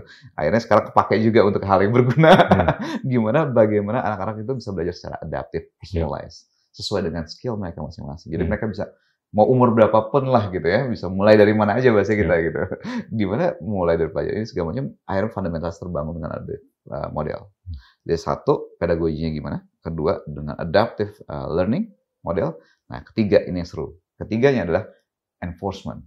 Yeah. Enforcement, how to uh, propose to yaitu misalnya contoh penerimaan kerja, yeah. kemudian kelulusan ini CPNS, use this please. Kita begging bisa jadi uh, dengan model ini kalau ketika lulus di sini not only apa ya misalnya perusahaan A gitu dengan karyawan kan biasa terima seribu gitu. Yeah. dengan ini bukan cuma lo akan terima karyawan yang bagus tapi you help people to understand bahwa uh, standar ini penting. Akhirnya hmm. karena biasanya kan gini ya kadang-kadang enforcement standar misalnya TOEFL ya kadang-kadang TOEFL ada TOEFL standarnya gitu. Oh di achieve segini. Tapi kalau mereka nggak achieve terus bingung gimana improvementnya. Hmm. Nah kalau di Zenus kan ini ada standarnya ini, kemudian improvementnya ini loh adaptif loh, dan is affordable dan bahkan untuk uh, certain part tuh free gitu. Yeah. Nah that's that's the way we want to play the game untuk uh, enforce ya. Kita dari tadi udah ngobrol bahwa ada perlu adanya standar untuk menyelamatkan humanity. Yeah. And then this enforcement terjadi di mana? Ya kita nggak usah yang gede-gede pada level misalnya pemerintah ya walaupun hmm. bisa juga gitu kan standar UN barunya. Atau ininya bisa aja gitu kan kita ajukan ke sana. Tapi dalam bentuk-bentuk yang lebih kecil juga bukan cuma yang anak sekolahan. Ya. jadi masyarakat lainnya juga perlu. Contohnya misalnya nih satu seleksi uh, karyawan. Itu nomor satu banyak yang mau lakuin. Promosi dalam uh, you know karyawan apa uh, dalam perusahaan. Kemudian interest linknya ada fintech yang minta ke kita untuk jadi kredit rating. Oh iya betul juga. Enforce credit rating atau uh, adalah beberapa program-program lagi. This is what we're trying to do. provide a standardized test yang mungkin banyak orang juga nggak setuju dengan standardized test, but I think it is very important. It is um, very important for us to have the standard, and then also providing the way to improve-nya juga yang adaptive learning dan sebagainya. Uh, in the next five years, uh, that's what we do, and Yeah. of course uh, di di last part-nya itu nanti kita basically apa ya um, systematic adoption, artinya we're getting into the system menjadi lebih uh, part of the the whole education system yang formal. You've, you've done more than 80,000 videos, right? Probably sekarang udah 100 ribuan lebih. ya. status. In in the next five years, how many more? Um, I think uh, there are some part of it yang confidential, but I think we can Okay. do some some uh, interesting AI here yang Bagus. bisa jadi jauh signifikan lebih banyak. Bagus. Uh, yeah, I can see the number itu growing cukup jauh, Exponential. exponential. Um, but uh, keep in mind juga bahwa learning is not only about the videos, Yeah. but yang penting juga memang adanya soal. Ya, Oh. basically bukan soal per se ya. Kalau kalau kita Yeah. tuh sekarang soal tuh buat ngetes doang. It's not only buat ngetes, tapi the right kind of question that triggers you, ya kan? S- Saya mau cerita. Ya. Itu saya sampai sekarang tuh nggak lupa. Guru saya waktu saya kelas 3 SD. Iya. Ya kan? Dia tuh guru mencongak. Oh, mencongak. Ya kan? Remember. Saya bahkan masih ingat beberapa pertanyaan yang, as you aptly pointed out, memicu. Ya kan? Curiosity atau intellectual curiosity. Guru saya waktu SMP, guru musik saya waktu SMA. Nah ini saya mau tarik nih ke peran guru. Ya Iya, kan? iya. Seringkali kalau kita ngobrol mengenai pendidikan, akhir-akhir ini saya sering angkat, kita tuh terjebak dengan topik terkait dengan kurikulum dan siswa-siswi. Tapi kita kayak kurang memberikan premi terhadap kepentingan guru. Ya kan? Iya. Dan dan ini empiris bahwasanya kalau guru lulus dari perguruan tinggi top 5 sampai 20 persen, itu dia dalam setahun bisa ngajar satu setengah tahun ajaran. Hmm. Tapi kalau dia dodol lah, lulus Iya. di bottom 20% di perguruan tinggi, suruh ngajar, dia dalam setahun cuma ngajar setengah tahun ajaran. Mestinya kita harus pastiin dong, ya kan? Yang ngajar di mana pun, bukan di platform Anda aja. Hmm.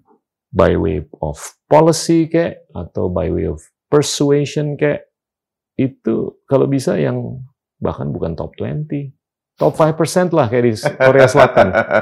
Di Korea Selatan kan top 5% yang Iya. ngajar. Bukan hanya status sosialnya keren, tapi kesejahteraannya juga terjamin. Iya. Dia suruh milih kerja di bank, di perusahaan konsultan, atau di startup apa, atau suruh jadi guru, dia milih jadi guru. Karena gajinya oke, benefitnya oke, dan status sosialnya kalau pulang ke rumah, Iya. tepukin. Iya. Nah, this could be the game changer. Iya kan? Tapi problemnya mungkin nyari guru yang berkualitas. Tapi saya agak-agak optimis karena di era digital, ini kan tinggal kita cari a finite number of teachers, kita pipain aja secara secara digital. Ya. Which what you're doing already. Kan? What we're trying to do, yes. You're actually on to something really good. Iya kan? Thank you. tinggal diamplifikasi aja untuk kepentingan kita menggame change diri kita sendiri.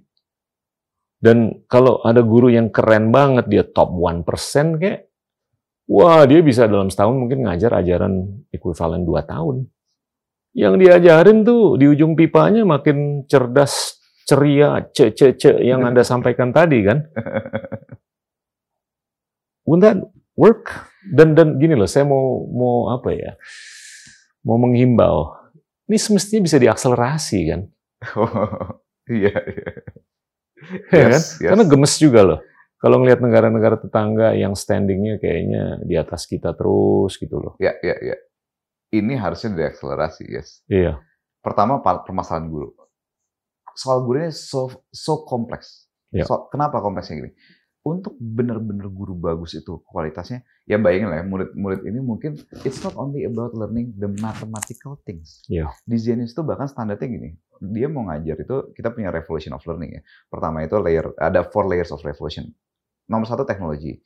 Eh, guru-gurunya harus bisa ngajar dengan teknologi itu ya jelas lah itu gampang paling permukaan yang kedua itu pedagogical uh, sorry methodological revolution Yeah. artinya di mana revolusi yang mereka harus lakuin itu di dalam pedagogi itu bukan cuma metodologinya bukan cuma menyebarkan informasi Hmm. tapi mereka harus menginstal pola pikir yang penting ke anak-anaknya it's two different things gitu antara cuma menyampaikan informasi Yeah. sama menginstal inform eh, suatu pola pikir gitu.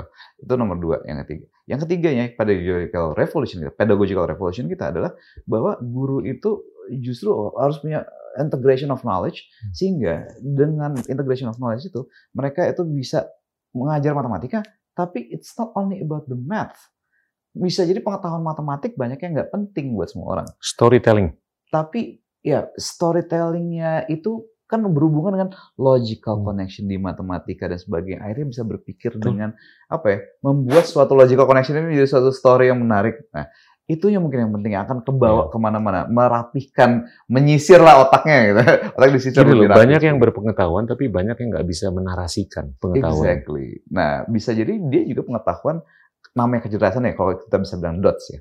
Dots adalah apa yang kita tahu ya. Kemudian kecerdasan bisa jadi bukan the dots, Iya. tapi the connection. Misalnya, let's say ini ada ada ada dots yang isinya uh, 5 sama 5 gitu. 5 sama 5. Dots 5 sama 5 ini connect-nya ada berapa kombinasi connection. 5 ini connection-nya berapa? Tapi ketika dicampur jadi 10, connection-nya bisa jadi lebih banyak gitu. Nah, di Indonesia kita terbiasa untuk mempelajari itu eh, memang di dalam tiap ilmu-ilmu yang matematik yang udah matematik, fisika, fisika terus. Ya. Tapi the connection between this, this and that nggak terjadi. Sehingga kalau kita bilang kecerdasannya yang nggak terjadi ya itu akhirnya jadi oh ini orang banyak tahu.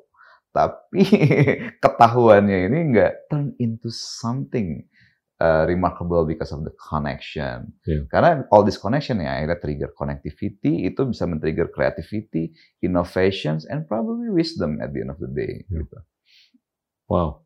Gitu. Nah, soal guru tadi dengan standar seperti itu di Zenius, kita ngelihat bahwa emang it is almost impossible untuk kita punya kualitas guru sebanyak itu segala macam. Iya. Gitu ya, dengan kualitas eh, standar seperti itu, target kita adalah ya udah dan dan juga andaikan kita ya secara economically speaking lah, lah saya guru di Indonesia ada 3 juta gitu. Mau mau bersaing dengan siapa dari sisi gaji gitu kan. Yang terbaik terbaik itu dari sisi gaji gitu. Udah susah nih sekarang gapnya terlalu jauh gitu kan. Nah kalau aku mikir akhirnya ya udah let's let's get let's say 200 ti- a finite number of teacher bahkan bukan finite number of teachers kalau aku melihatnya finite number of probably the smartest individuals di Indonesia raya ini yang lulusan-lulusan terbaiknya Iya.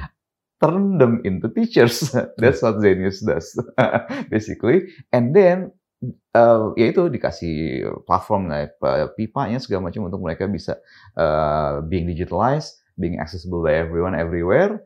Kemudian nanti kerjasama dengan local teachers yang everywhere-nya itu, supaya local teachers ini fung- fungsinya jadi berubah, nggak cuma ngajar rutin sehari-hari, Iya. tapi well untuk ngajar rutinnya udah ada nih lewat sini you your job itu sekarang gimana caranya menjadi motivator, Ya. menjadi konselor buat anak-anak tiap individualnya yang nggak bisa kita digitalize.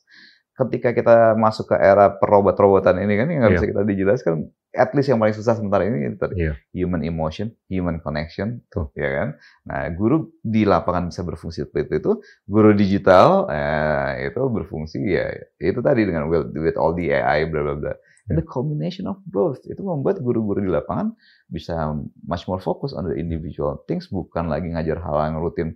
Ngapain lagi persamaan kuadrat X kuadrat tiap hari? No, you can do other things yang bisa lebih apa ya eh, mendidik gitu dibandingkan sekedar itu lagi.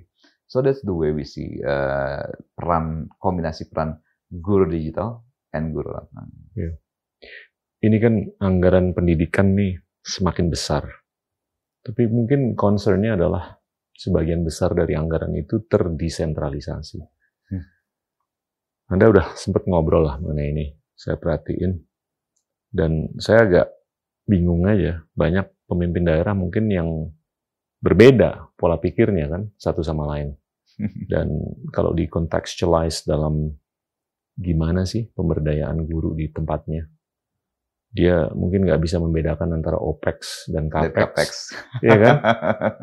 Dan itu problematic, Iya. ya kan?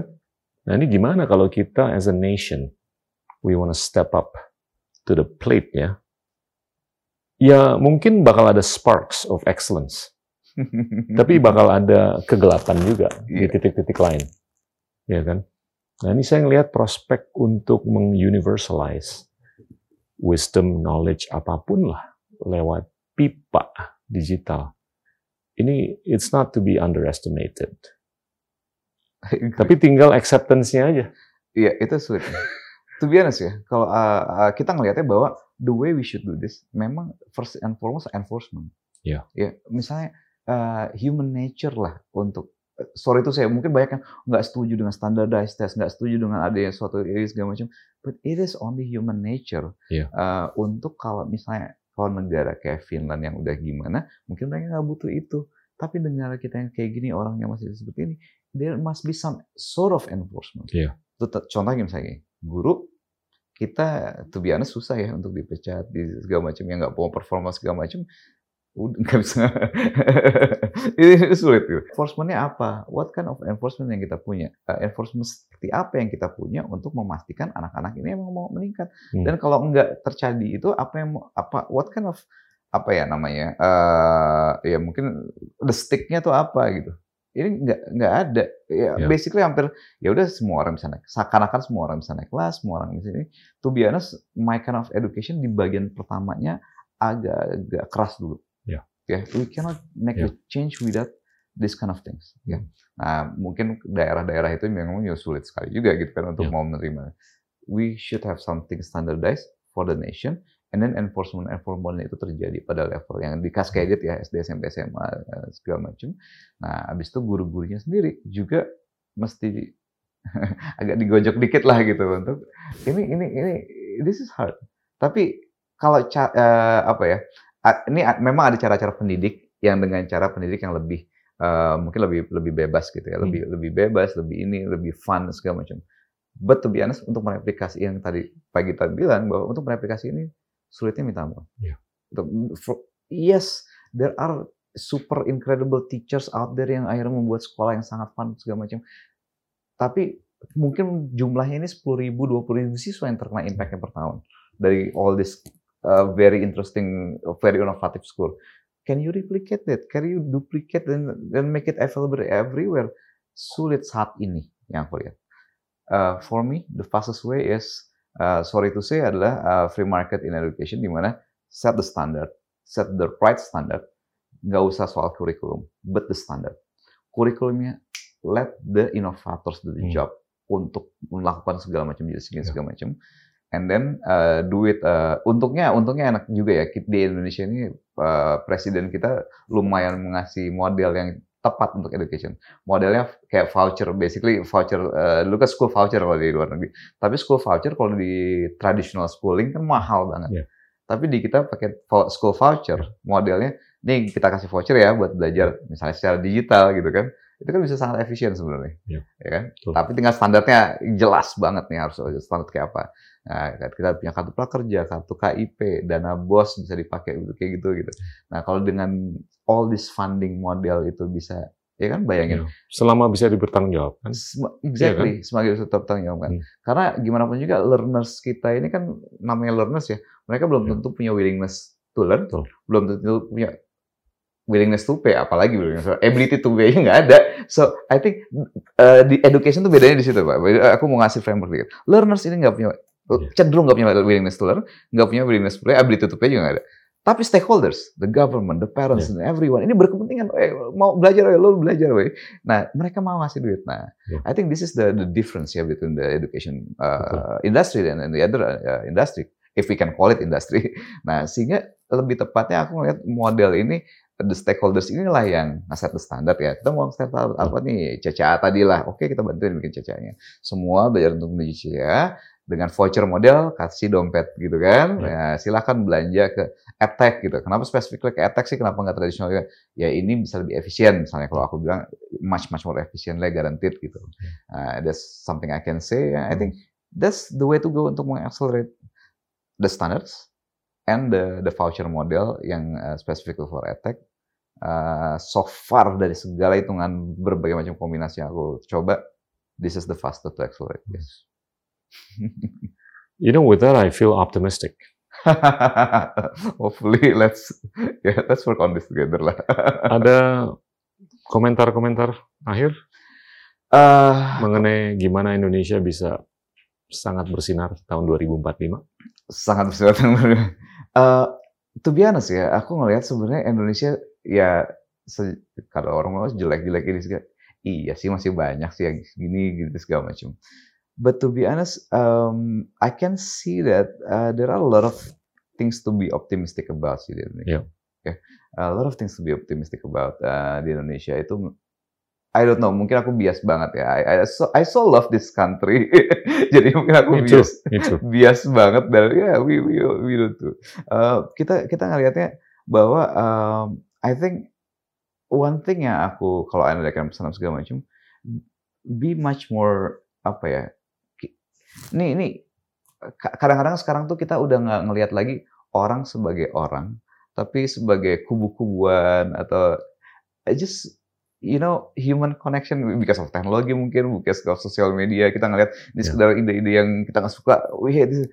Uh, can we go back to our you know dulu kan Indonesia dianggap uh, human apa ya punya friendly interaction yeah, antar human connection between you know bonding between human know people more gitu kan. I have one suggestion. Yeah. Reduce your screen time from eight hours a day.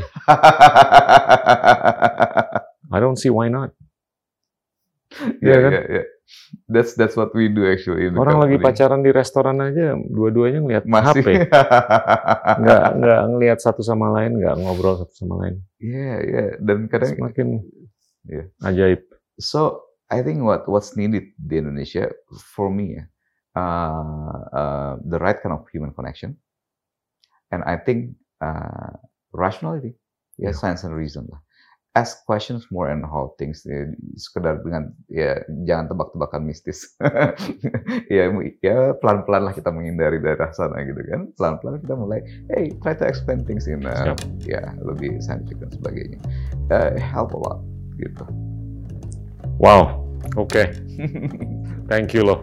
Thank you banget loh Pak Git. Udah Sabda. mengundang dan fascinating. banyak banyak duit tadi keluar macam. Oke oke. Teman-teman, itulah Sabda PS dari Genius. Terima kasih. Inilah Endgame.